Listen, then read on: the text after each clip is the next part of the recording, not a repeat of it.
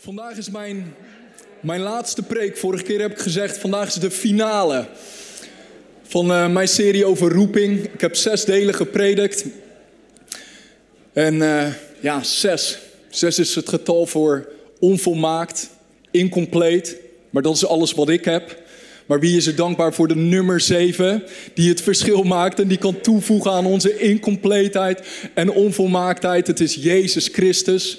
Het is niet CR7, hebben we gisteravond wel gezien. Cristiano Ronaldo, Portugal uitgeschakeld. Toch een beetje een troost, vind je niet? Al die andere grote landen die eruit vliegen. Maar het is JC7. Hè? Jezus Christus, nummer 7. Hij gaat vandaag doen in ons midden wat alleen Hij kan doen. En ik zou je zeggen, ik heb zo'n verwachting voor wat God gaat doen door dit woord heen vandaag. Ik heb zo'n verwachting. En sommige van jullie ontmoet ik al voor de dienst. En ik keek in jullie ogen en ik dacht, wauw, God wil jou aanspreken. Hij wil jou aanraken. Hij wil een woord spreken diep in jouw geest vandaag. Ik ga vandaag spreken over Maria en de geboorte van Jezus. Dit is mijn allerlaatste boodschap van 2022, dus dit is mijn kerstcadeau voor jullie allemaal. Hierna kan ik me gaan richten op uh, familieweekend en allemaal dat soort dingen. Maar vandaag geef ik alles, ja? Beloofd? En doen jullie dan nog één keer mee? Predik je mee deze zondag? Ja? Oké, hoep, hoep. Heb je Bijbel ook meegenomen? Dan belooft sowieso een goede zondag te worden. Want als we het woord van God openen, Gods woord, ik bad het net, is levend, het is krachtig. Wij lezen het woord, maar het woord leest ons. Het, is, het komt tot onze harten vandaag. Je mag met me opzoeken. Lucas hoofdstuk 1. Lucas hoofdstuk 1.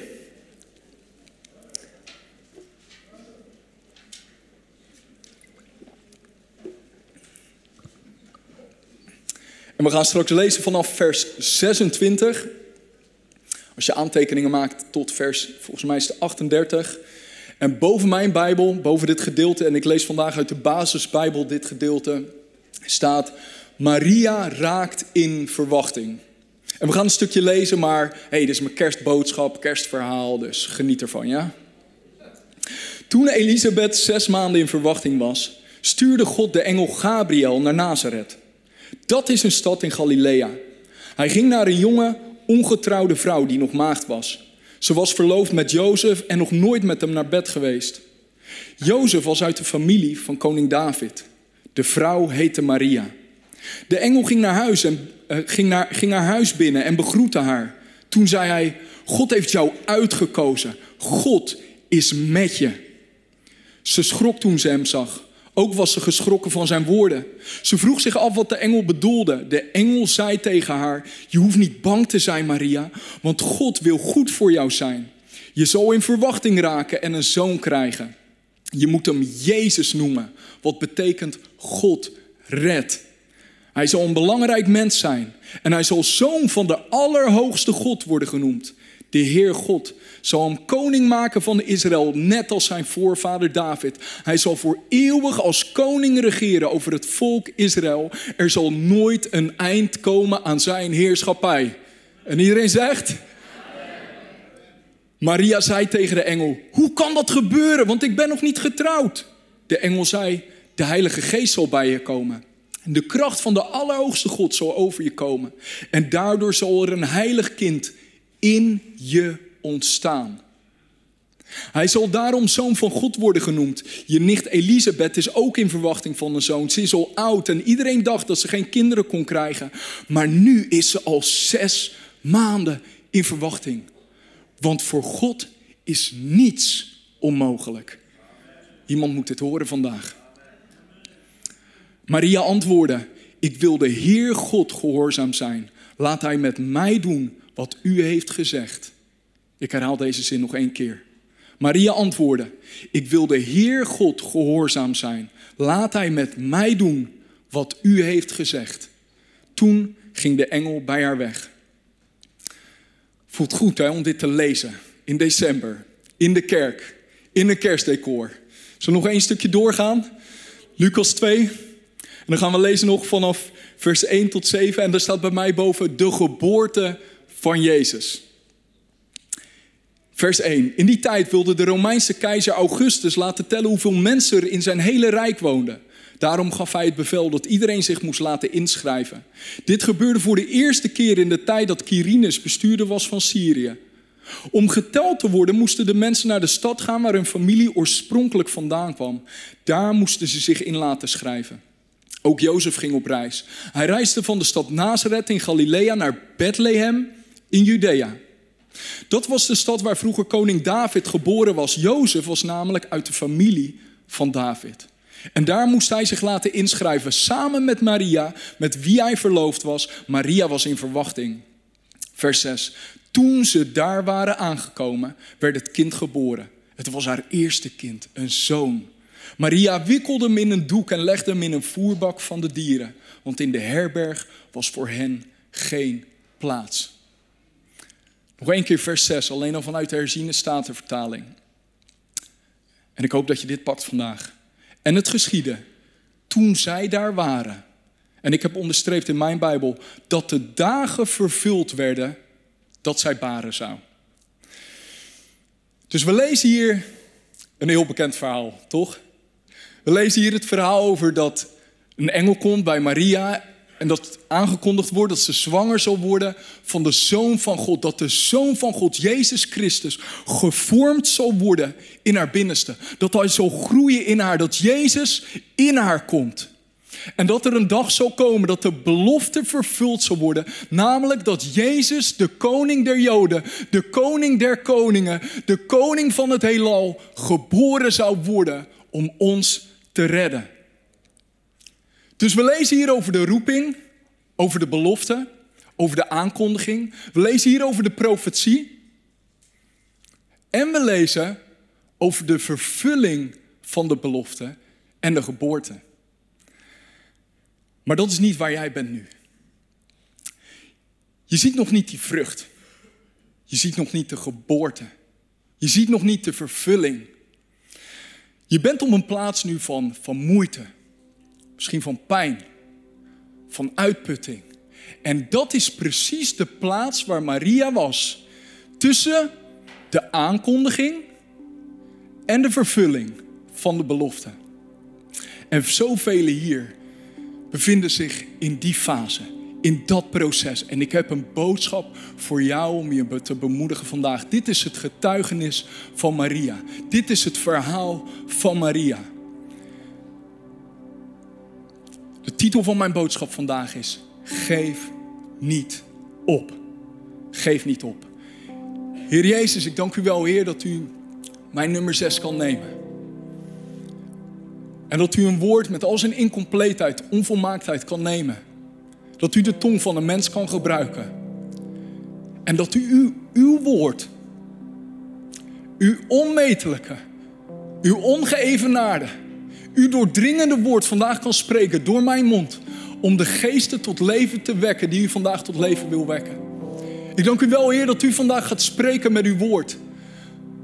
Om te ontwrichten, om te disrupten Sommigen van jullie, je bent een directie aan het inlopen. En God roept je vandaag, Hij spreekt vandaag tot je ziel om je een andere kant op te brengen, om je te leiden naar Bethlehem. Omdat de belofte staat over jouw leven. De roeping staat over je leven. Je bent geroepen, je bent apart gezet en je ziet nu nog niet de oogst en de vrucht, maar Jezus zegt: Vandaag spreek ik tot jou, zodat je zal gaan naar Bethlehem. In Jezus' naam. Amen. Dus we zien in Lucas 1 dat de engel Gabriel komt. Hij spreekt deze boodschap. Hij spreekt tot de maagd Maria. Hij zegt, God heeft je uitgekozen. God is met je. Dan zegt hij, je hoeft niet bang te zijn, Maria, want God wil goed voor je zijn. Je zal in verwachting raken en een zoon krijgen. Je moet hem Jezus noemen. Wat betekent God redt? Hij zal een belangrijk mens zijn en hij zal zijn zoon van de Allerhoogste worden genoemd. En ik vraag me af, zou Maria zich bewust zijn geweest van, van het gewicht van deze belofte? Zou ze zich hebben gerealiseerd hoe onmetelijk groot de roeping was die God op haar leven had geplaatst? Zou ze zich bewust zijn geweest van dat wat er in haar was? Dat wat daar in haar groeide. Van de belofte op haar leven. Van de roeping op haar leven. Ik zou het willen vragen aan Maria. Was je bewust? Realiseerde je het je? Wist je het? Wist je wie je droeg in jouw binnenste? Wie je gevormd werd jouw baarmoeder? Was je bewust van de grootheid in jou? Van de significantie in jou? Sommigen van jullie, je moet al denken aan dat nummer Mary Did You Know. Hè?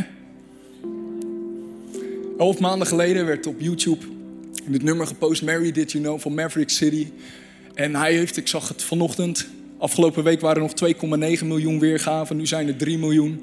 Ik denk dat 2,7 miljoen van de weergaven van mij zijn. En eerlijk gezegd, toen ik begon over deze serie Roeping, was ik hierdoor geïnspireerd. En ik wilde deze boodschap al aan het begin van het jaar brengen. Eerst deel 2, toen werd het deel 3. Uiteindelijk is het deel 6 geworden en het past ook wel het mooiste. Weet je wel, in de maand december. Maar ik vraag me af, Mary, did you know? Zou ze, het, zou zich bewust zijn geweest? Mary, did you know that your baby boy... Maria, wist je dat jouw baby ooit zou wandelen op water? Maria, wist je ooit, wist je dat jouw baby ooit onze zonen en dochters zou, zou bevrijden? Wist je dat jouw baby is gekomen om ons nieuw te maken? Maria, wist je dat dit kind dat jou verloste, dat jij verloste, spoedig jouw verlosser zou zijn? Maria, wist je het? Maria was je ervan bewust.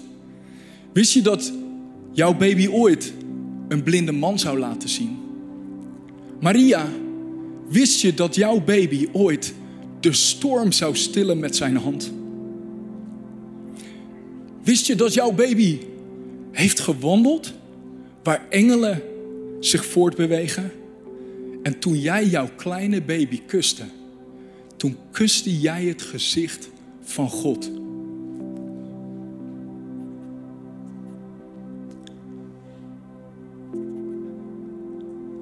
Nu naar jou en mij.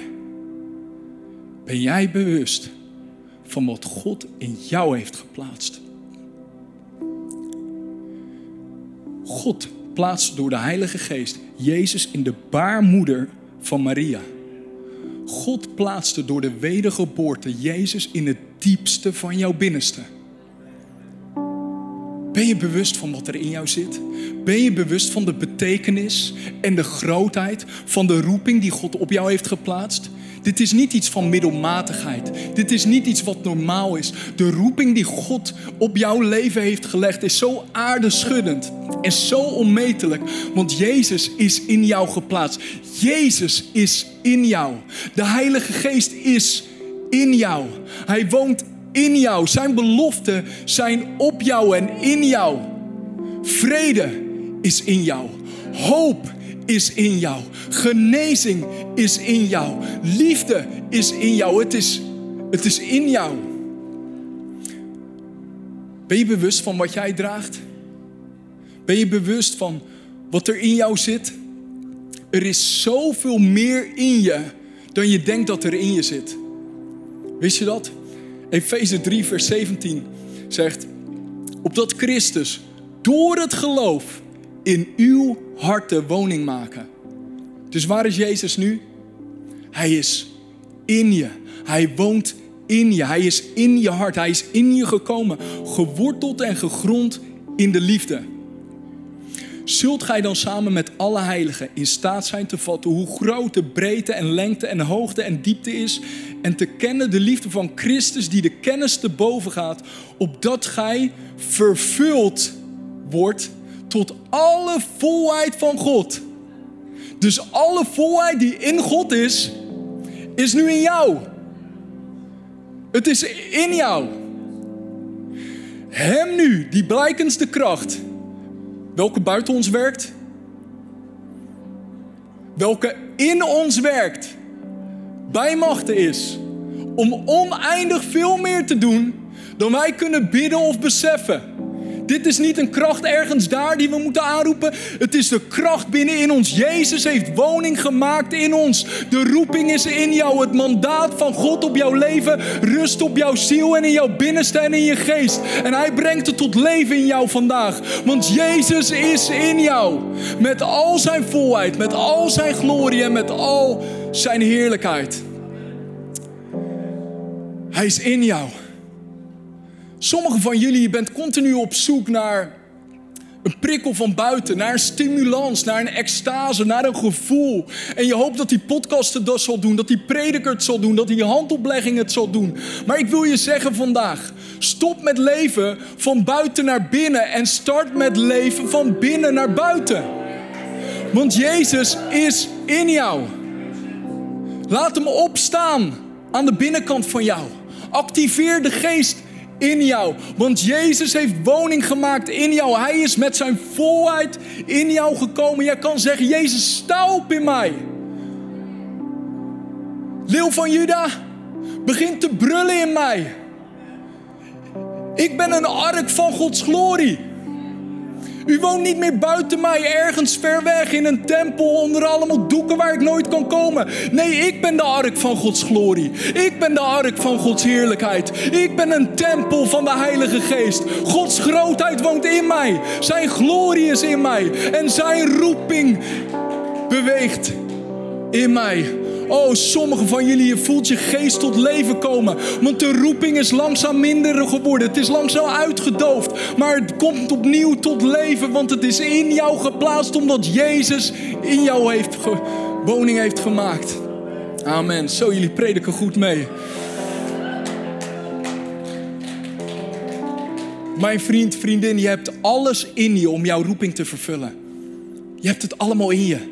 Om jouw roeping te vervullen van intimiteit. Om jouw roeping te vervullen van de heiligheid. Om jouw roeping te vervullen van dienstbaarheid en de speciale opdracht en opdrachten die God voor jou heeft en over jouw leven heeft gelegd. Je hebt het allemaal in je om het te vervullen. De belofte is jouw deel. Terug naar Maria. Zij had de opdracht ontvangen. Ze was geroepen. Amen was tot haar gesproken. Het goede nieuws was, was tot haar gekomen. De belofte was gesproken. hoe zag de reis eruit van Maria van de belofte naar de vervulling van de belofte?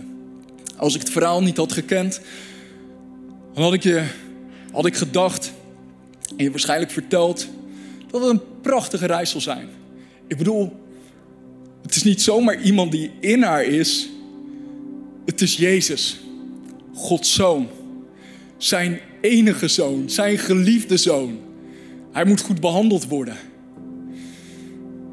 Ik zou je zeggen dat er een geweldige baby shower was geweest. Dat het hele dorp was uitgelopen. Want Maria was zwanger geworden. En dat er blije ouders waren. En een steunende echtgenoot. Ik had je willen vertellen. Dat het een heerlijke zwangerschap was geweest. Zonder stress, zonder lichamelijke inspanning, gezond eten, een beetje bewegen, rustig wandelingetje, geen bekkeninstabiliteit, gewoon allemaal chill, weer rustig. Ik zou je willen vertellen dat, dat, dat hij in een paleis geboren zou zijn. Ik bedoel, dat is toch wat de koning der koningen verdient. Dat er een prachtig wiegje zou zijn met zo'n hemeltje, een groot bed voor Maria, een aantal van de beste gynaecologen uit Jeruzalem die over zouden komen, kraamverzorging, beschuit met muisjes, al die dingen. Maar hoe zag de reis van Maria van de belofte naar de vervulling van de belofte er werkelijk uit? Zoals de reis van jou en van mij. Maria had het goede nieuws van de engel Gabriel ontvangen. Ze was pumped up, kan ik me voorstellen. Weet je wel, zo'n zondag met Dr. Guy. Dat je denkt, wow, we gonna change the world.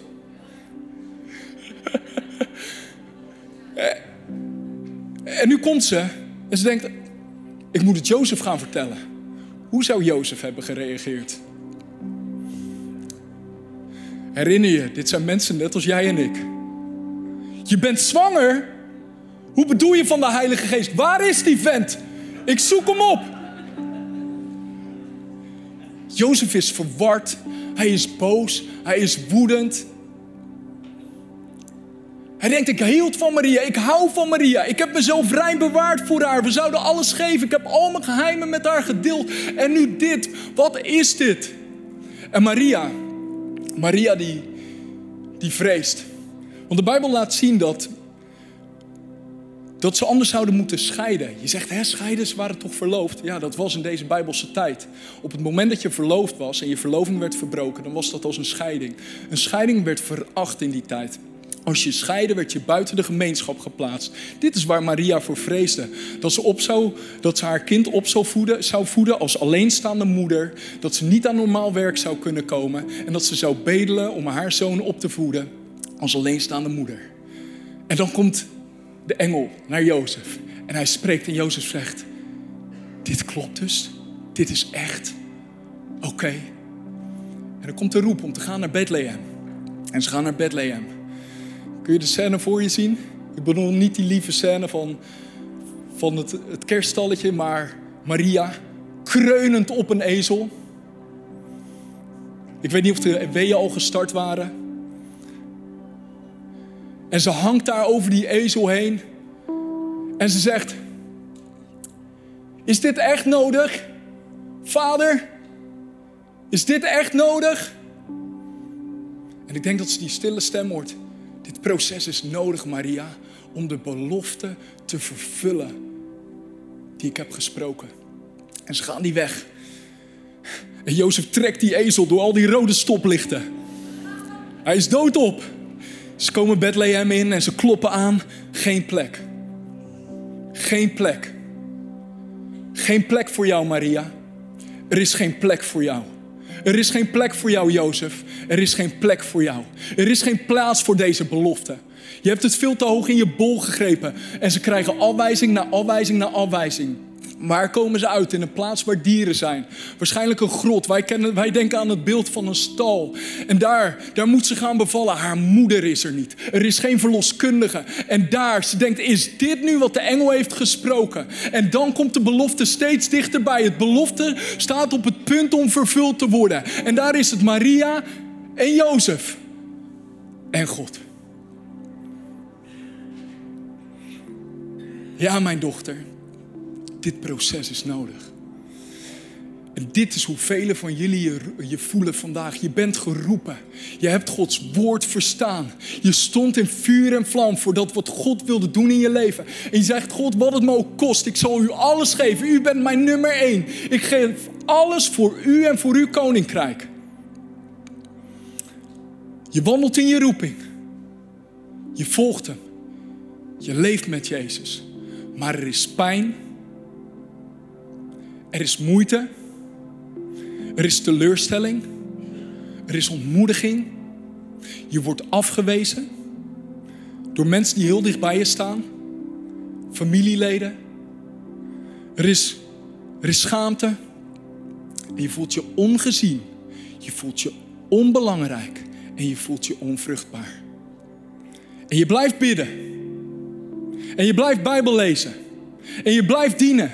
En je blijft naar de kerk gaan. En je blijft gehoorzaam en je blijft leven voor Jezus. Maar in plaats van dat de dingen langzaamaan beter beginnen te worden, lijken ze nog slechter te worden. Predik ik tegen iemand vandaag? Wat moest Maria doen om haar roeping te vervullen? Wat? Ze moest volhouden. Ze moest niet opgeven. Ze moest trouw blijven aan Jezus. Ze moest blijven geloven in de belofte. Ze moest zich uit blijven strekken naar dat wat God voor haar had. Ze moest de moed niet opgeven, maar ze moest blijven reizen naar Bethlehem. Blijf de reis maken naar Bethlehem. Geef het niet op. Dit is het getuigenis van Maria. Dit is wat Maria moest doen. Dit is het verhaal van Maria en dit is jouw verhaal. Je zegt, Mark, hoe weet je dat zo zeker? Omdat het Gods woord is. En Gods woord staat. En als God een belofte spreekt, dan zal het vervuld worden. Het is de enige vaste grond die we hebben in ons leven. Het woord van God. Galaten 6, vers 7 tot 9. Dwaal niet. God laat niet met zich spotten. Ik hou van deze serieuze toon van Paulus. Hij zegt het volgende. Want wat de mens zaait, zal hij ook oogsten. Want wie in zijn eigen vlees zaait, zal uit het vlees verderf oogsten. Maar wie in de geest zaait, zal uit de geest het eeuwige leven oogsten. En dan vers 9, mijn tekst van dit jaar. En laten wij niet moe worden goed te doen. Want te zijner tijd zullen wij oogsten. Als wij het niet opgeven. Geef niet op. Elke dag, als ik mijn notitie open, is dit het woord van God wat ik zie. Laten wij dus niet moe worden om het goede te doen. Want te zijner tijd, op Gods tijd, zullen wij oogsten als wij het niet opgeven. Maar ik geef niet op. Maar ik geef niet op met de prioriteiten op de juiste volgorde plaatsen. Maar ik geef niet op met bidden. Geef niet op met Bijbel lezen. Maar ik geef niet op om je gezin op prio nummer 1 te zetten. Maar ik geef niet op om te wandelen in integriteit. Maar ik geef niet om om te strijden, om te vechten. Maar ik blijf trainen. Doe niet wat je nu wil, maar doe wat je echt wil. Blijf een zacht hart houden. Word niet nederig. Word, word niet bitter. Word niet boos. Blijf, blijf nederig. Blijf geduldig. Want als je het goede blijft doen, Mark. Als je het goede blijft doen. Als je je uit blijft strekken naar God en wie Hij is en Zijn woord. Dan zal de oogst komen. Op zijn tijd. De oogst zal komen. De oogst zal komen. De oogst zal komen over jou en over jouw familie en over jouw gezin. Er is een geestelijke wetmatigheid die ten grondslag ligt aan vers 9.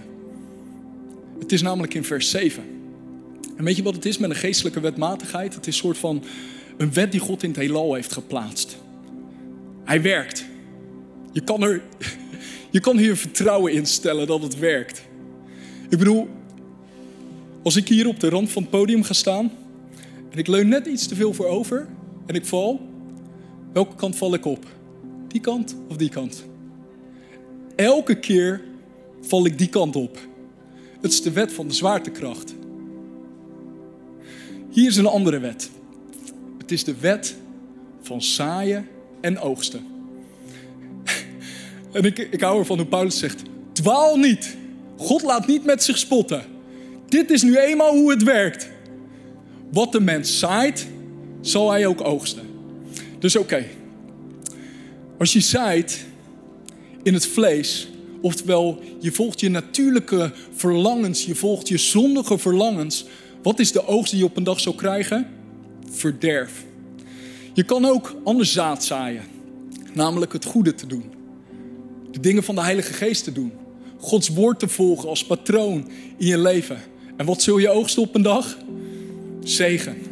En hier zegt de Bijbel dat we eeuwig leven zullen oogsten. Dit is een onverdiende goedgunst. Dit is niet iets wat we kunnen verdienen door onze goede werken. Maar dit is wat Jezus. Dit is de oogst die we hebben door het volbrachte werk van Jezus. Amen. Wat je zaait, zul je ook oogsten. Dus als je tomaatzaadjes zaait, kun je geen mandarijnen verwachten. Dus als je iedere dag de verlangens van je vlees volgt, je bent egoïstisch, zelfzuchtig, boos, woedend en, je doet wat je wil en waar je zelf zin in hebt en je leeft, een leven van, van bedrog en gierigheid. Op een dag als je kijkt in de spiegel en het bevalt je niet wat je ziet en wat je om je heen ziet, dat is geen straf van God, dat is een oogst. Je oogst wat je hebt gezaaid. Dus als je niet blij bent met de oogst in je leven, verander het zaad wat je zaait. Amen. En de andere wet klopt ook. Als je goed, zaait, zaait, goed zaad zaait, zul je ook goed oogsten. Zo, ik hoop dat je aantekeningen maakt vandaag. Als je goed zaait, zaad zaait, zul je goed oogsten. Weet je wat het probleem is met jou en mij? We gaan dit doen. En als we het goede doen, dan worden we moe. We gaan vijf keer naar de gym. We kijken in de spiegel en we denken, ik zie geen verschil. Je volgt je bijbelleesplan voor tien dagen. En je denkt, ik voel niets anders. Je wilt je studieschuld afbetalen van 15.000 euro en je zegt de aankomende maand ga ik geen koffie drinken buiten de deur. En aan het eind van de maand kijk je naar je studieschuld en je ziet 14.900 euro en je denkt ja, dit maakt geen verschil. En weet je, het verhaal wat we onszelf beginnen te vertellen is dat die kleine dingen in consistentheid dat ze er niet echt toe doen. Dat die goede dingen niet echt een verschil maken. Is dat niet het narratief van David in zoveel psalmen? Dat hij kijkt naar de goddelozen en denkt: waarom gaat het goed met jullie? Dit kan toch niet? En kijk mij nu, weet je wel, ik ben onthoud me van dingen. Ik ben aan het trainen. Ik zeg, ik, ik, ik zeg ja tegen de dingen die ik echt wil, maar al die dingen die ik eigenlijk nu wil. Maar dwaal niet. God laat niet met zich spotten. Wat de mens zaait, zal hij ook oogsten. Jouw zaad doet ertoe. Maar je oogst in een ander seizoen. Schrijf dit op. Je oogst in een ander seizoen. Maar wat jij zaait, doet ertoe. Je oogst in een ander seizoen. Maar wat jij zaait, dat doet ertoe. Het maakt een verschil. Als je een boer bent en je, en je zaait in in de herfst. Ik heb helemaal geen verstand hiervan. Straks krijg ik op mijn kop van een aantal van onze vrienden uit Goeree. Dan kan je simpelweg niet een oogst verwachten in de herfst. Maar je moet wachten tot het voorjaar om iets te kunnen zien. Dit is een natuurwet die we allemaal begrijpen. Vergis je niet. Wat jij zaait, doet ertoe in consistentheid, in trouw, in door zetten, in het goede zaad zaaien. Stel, we hebben drie personen. We hebben vandaag uh, Hendrik hetzelfde. We hebben Winston winnaar. En we hebben Gerard gemak. En Hendrik hetzelfde. Hij luistert naar de preek vandaag en hij is al tien jaar christen. En weet je wel, hij volgt zijn geestelijke disciplines en en hij gaat naar de kerk en hij vindt het gewoon oké, het is goed. Ik bedoel, hij houdt er wel veel van om te klagen. En hij heeft goede intenties. Maar trainen, dat is te veel gedoe. Daarnaast heb je Winston winnaar. En Winston, hij hoort het woord vandaag. En hij zegt, ik ga een verandering maken in het zaad wat ik zaai. In consistentheid, in trouw ik ga een verandering inzetten in de richting. Want al die kleine keuzes die ik maak, bepalen de richting van mijn leven. Weet je wat Winston doet? Hij doet niets bombastisch. Hij doet niets groots en meeslepends. Maar hij begint een bijbelleesplan. Samen met een vriend. En hij begint te bidden. Elke dag, twee minuten. Soms iets langer, soms iets korter. Wat hij gaat doen is... Uh, elke ochtend voordat hij gaat douchen... doet hij 20 push-ups. 20. Hij denkt, meer haal ik nooit, maar ik 20 push-ups. En drie keer wandelen in de week. Dat is alles. Dat is wat Winston doet. Winston, winnaar. En heb je nummer drie. Gerard Gemak. Gerard is vandaag niet in ons midden. Die slaapt uit. Je weet wel, voor het gemak. Dus Gerard mist deze boodschap. En hij denkt dat de goede dingen, de goede keuzes niet zo heel veel verschil maken. Dus wat Gerard doet is, langzaamaan drijft hij weg naar wat slechtere gewoonten. Niets groots. Oh ja, wat ik vergat, wat Winston ook nog doet, is elke dag hij, consumeert hij 100 calorieën minder. 100 maar, hè. Dus dan hebben we het over één slechte snack of één blikje frisdrank. Maar dat blikje wat hij nu minder doet, dat doet uh, Gerard erbij. Dus Gerard die consumeert elke dag, Gerard gemak, elke dag 100 calorieën meer. Eén slechte snack of één fris drankje, want het maakt toch niet zoveel uit. En uh, Gerard gaat steeds minder vaak naar de kerk. Hij stopt met dienen in de kerk en hij voelt zich steeds wat lustelozer. Dus hij gaat meer gamen.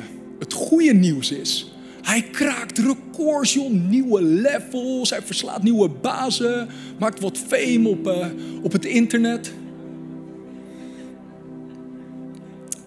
Na zes maanden, je zet de drie mannen naast elkaar. Geen verschil zichtbaar. Weet je wel, gewoon dat je denkt, maakt dus helemaal niet uit wat je doet.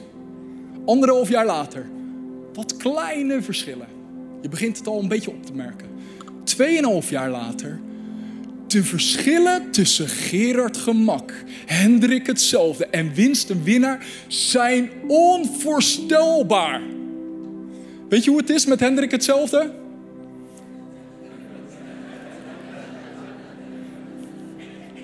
is niet veel veranderd.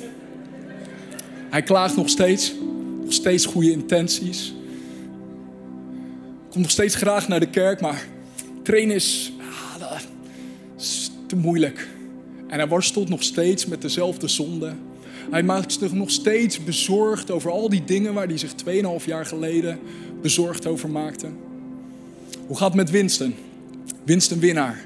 Weet je wat het verhaal is van Winston? Hij heeft nu 115.000 calorieën minder geconsumeerd. Weet je hoeveel push-ups hij heeft gedaan? 18.250.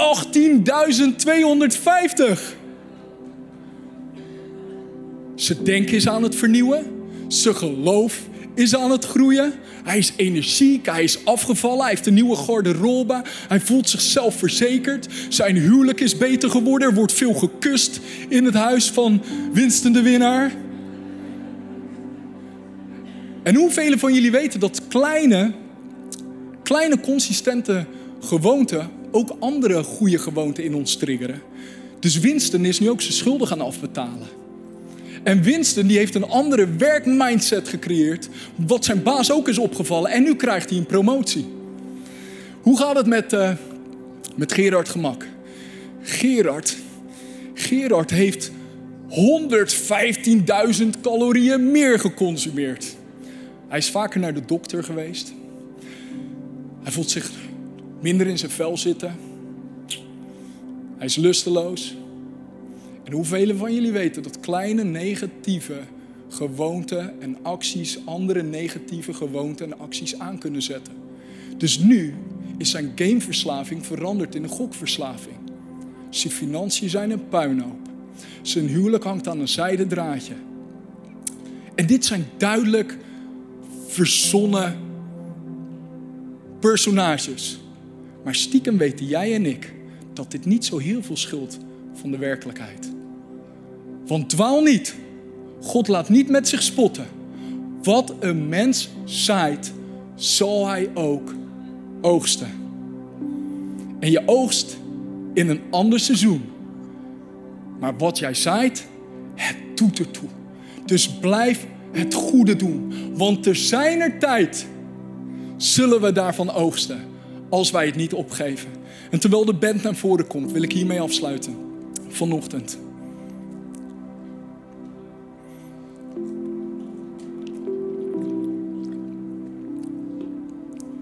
Jezus had een roeping. Jezus had een bestemming. Jezus had een hemelsmandaat op zijn leven om redding te brengen aan ons als mensheid. Door te sterven aan het kruis, over de dood te triomferen, onze zonde weg te wassen en verzoening te brengen tussen God en de mens. De laatste avond, de plek waar wij weten dat Jezus het zwaar had. Hij had de belofte ontvangen. En nu kwam de vervulling van de belofte steeds dichterbij en de druk nam toe. Waar bevond Jezus zich? Hij bevond zich in wat we kennen als de hof van Gethsemane, de tuin van Gethsemane. Je kan er vandaag de dag nog steeds naartoe gaan, naar die plaats. En het is een plaats die vol staat met olijfbomen. Het is een olijfboomgaard. En terwijl Jezus daar was op die plaats. En toen hij zei tegen de vader, laat deze, als het kan, laat deze beker aan mij voorbij gaan, maar niet mijn wil, maar uw wil geschieden. Toen zag hij daar al die olijfbomen. En ik denk dat hij herinnerd werd aan de lessen van de olijfboom. Weet je wat het is met een olijfboom? Een olijfboom groeit traag.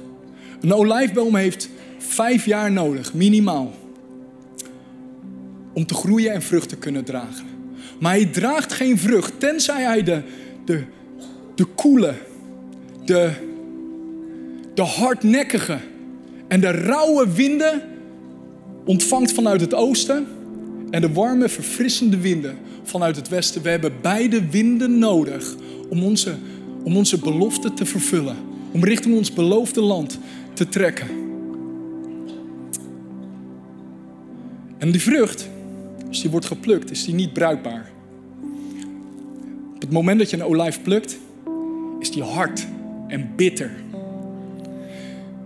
Olijven moeten iedere dag gespoeld worden, voor weken lang in fris water, om de hardheid en de bitterheid los te laten.